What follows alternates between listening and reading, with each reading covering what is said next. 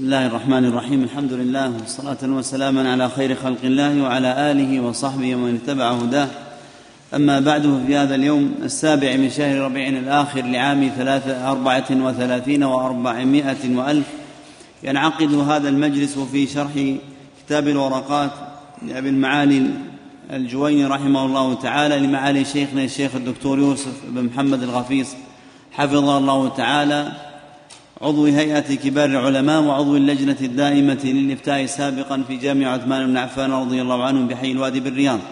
قال رحمه الله تعالى فالواجب ما يثاب على فعله ويعاقب على تركه. نعم. قال أبو المعالي فالواجب ما يثاب على فعله ويعاقب على تركه. هذا حد الواجب. وعبارة الأصوليين في حد الواجب فيها اختلاف وهو في الجملة اختلاف تنوع. وبعض الاختلاف له معنى لكنه على خلاف طريقة الجمهور. طريقة الجمهور من أهل الأصول الخلاف بينهم خلاف لفظي. الخلاف بينهم خلاف لفظي أو يتنوع على قدر من الزيادة لكن ليس فيه تضاد إلا على طريقة قوم شدوا عن جمهور الأصوليين. فالواجب كما قال المصنف هو ما يثاب فاعله ويعاقب تاركه. وبعضهم عبر بقوله ويستحق العقاب.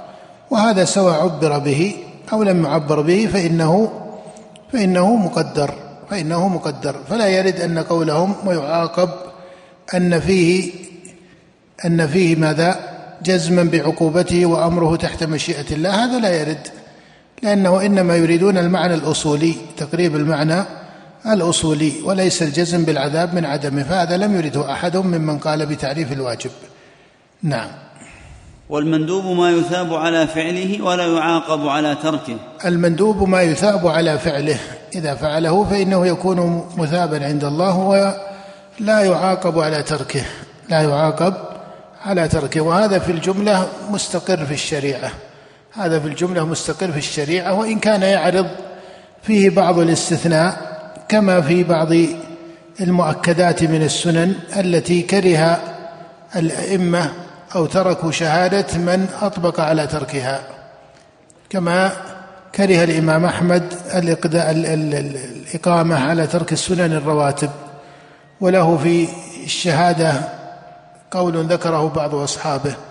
فهذا أمر يستثنى من هذا المعنى على سبيل الاجتهاد في بعض المؤكدات من المشروعات. لكن الأصل في المندوب أن تاركه لا يكون مؤاخذا عند الله. ثم هذا المستثنى الذي أشار إليه بعض العلماء من أصحاب أحمد وغيرهم إنما هو في أحكام مرتب عليها في الدنيا لكن لم يقل أحمد في الرواتب أو في الفطر أو, أو في الوتر أو غيره من المندوبات عنده وإن كانت مؤكدة لم يقل أحمد إنه يكون إيش؟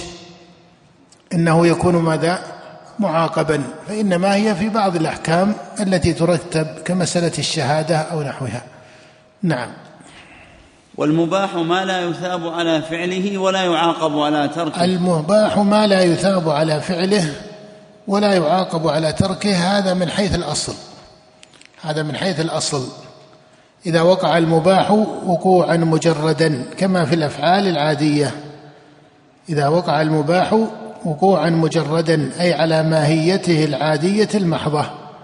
كالمشي مثلا والأكل والشرب ونحوها فإذا وقع على وجهه العادي المحض وتمحض المباح في عاديته في كونه عاديا استقام عليه أنه لا يثاب فاعله ولا يعاقب تاركه. لكن إذا اتصل به إذا اتصل به مناسب من الشريعة نقله عن هذا القدر إلى ما هو فوقه.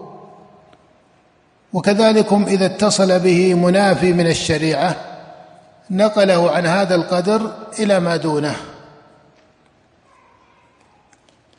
لابد في المباح أن يلتفت إلى هذا المعنى إلى أن ما ذكروه من حده فإنما هو باعتبار تمحضه إذا تمحض في كونه عاديا كالأكل مثلا. لكن إذا اتصل به محرك من الشريعة مناسب نقله إلى ما هو إيش؟ أعلى فصار به مستحبا مثلا. وكذلكم إذا اتصل به محرك منافي من الإرادات ونحوها زال عن كونه مباحا إلى وصف الكراهة أو النهي. فهذا باعتبار العارض فيه لكن باعتبار الأصل أن العادي أن المباح لا ثواب فيه ولا عقاب. لكن إذا دخل عليه هذا الزائد المنافي أو المناسب تأثر به من جهة الحكم. فمن يستعين في نومه على قيام الليل يكون ماذا؟ مثابا. وهذا هو فقه الصحابة رضي الله عنهم أنهم راعوا هذا المناسب أو هذا المنافي.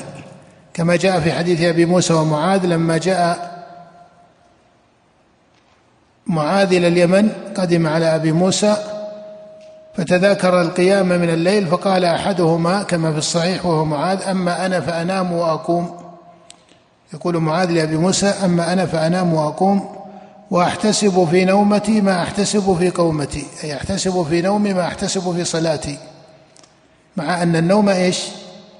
مع أن النوم مباح إنما هو التفات من معاذ وهو من فقهاء هذه الأمة وأئمتها في الفقه إنما هو التفات إلى المحرك المناسب من الشريعة لأنه احتسب أن يستعين وقصد أن يستعين بنومه على ماذا؟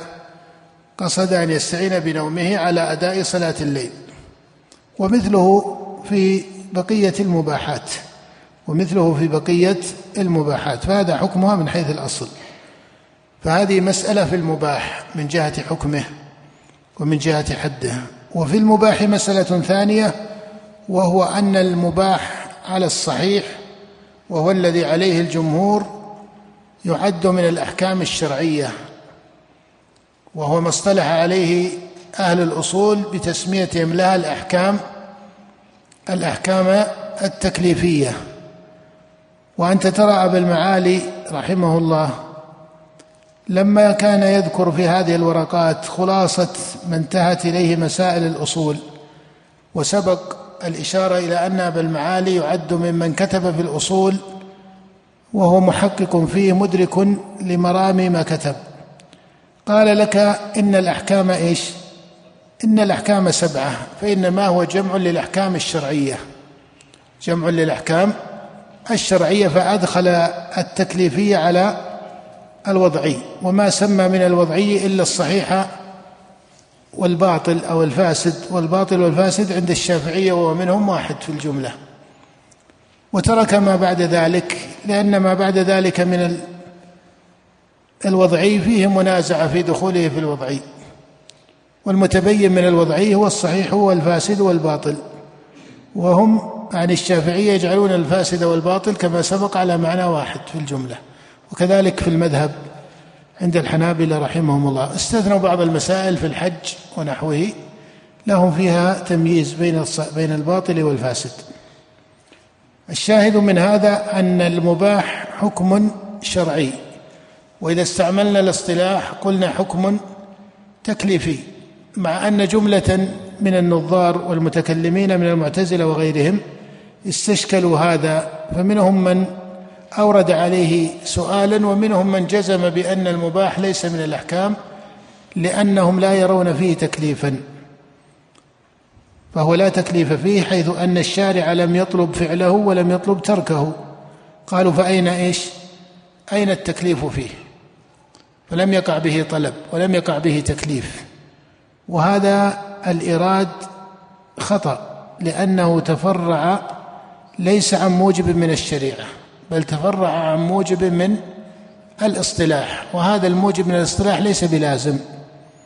ولو طرد في التحقيق لاضطرد هذا اللازم وهذا السؤال حتى على المستحب.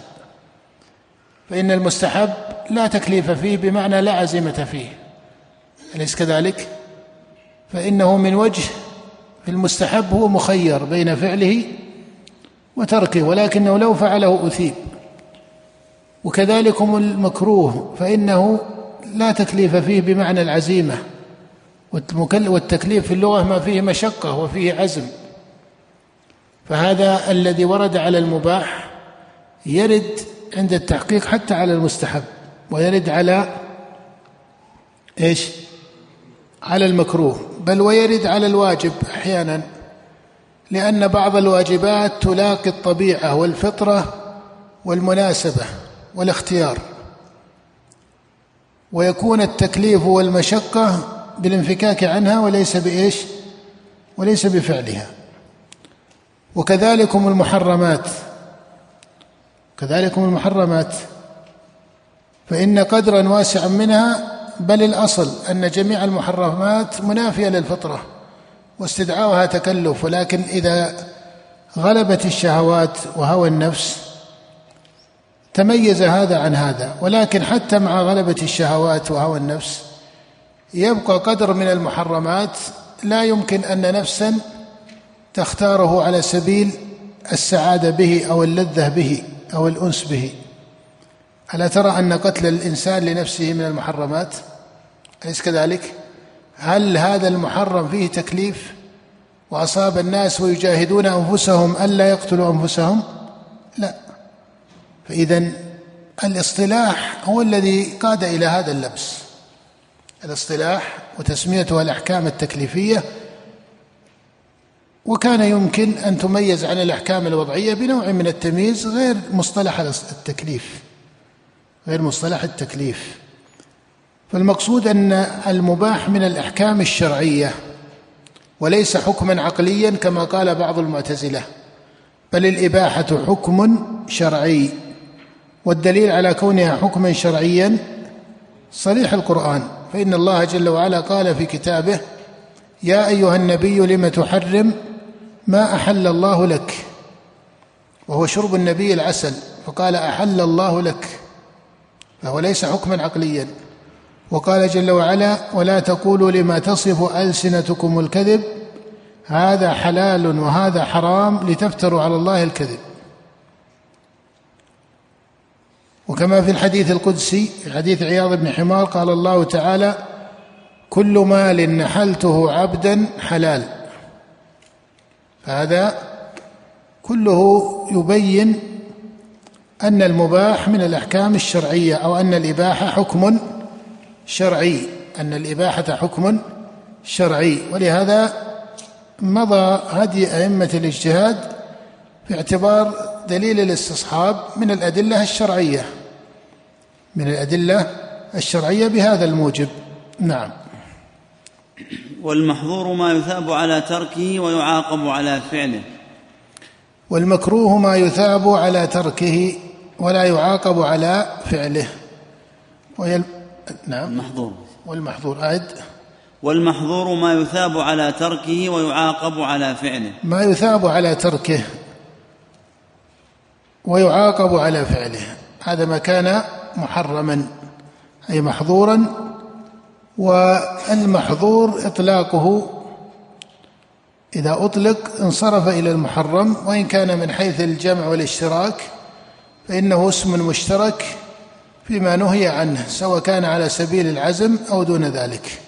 نعم. والمكروه ما يثاب على تركه ولا يعاقب على فعله. المكروه ما يثاب على تركه ولا يعاقب على فعله. هذا يسمى مكروها وهو في باب النهي.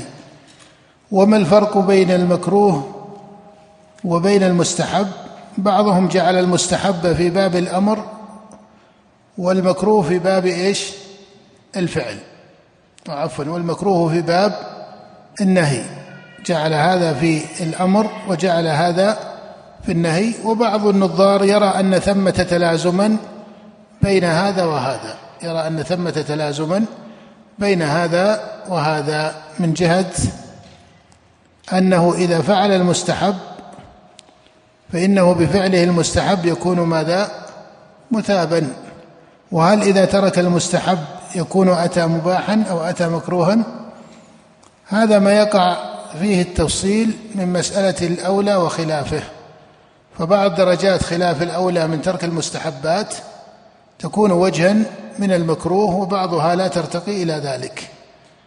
بمعنى أنه وإن كان التحقيق أن ترك المستحب لا يلزم عنه الكراهة وأن فعل المكروه لا يلزم عنه ترك المستحب على اضطراد فإن هذا اللازم إذا قيل بعدم لزومه فلا يعني عدم إيش؟ لا يعني عدم وقوعه. لا يعني عدم وقوعه. هل يلزم من ترك المستحب فعل المكروه؟ هو لا يلزم لكنه لا يمنع. لا يمنع. فقد يكون تركه للمستحب فعل لإيش؟ فعل لمكروه. مثال ذلك من أقام على ترك السلام. بذل السلام مستحب أليس كذلك؟ لكن من هجر السلام على الناس صار لا يبالي بالسلام. هذا أقل أحواله أنه فعل إيش؟ ترك مستحبا وفعل مكروها. ليس بدرجة من عرض له ترك المستحب.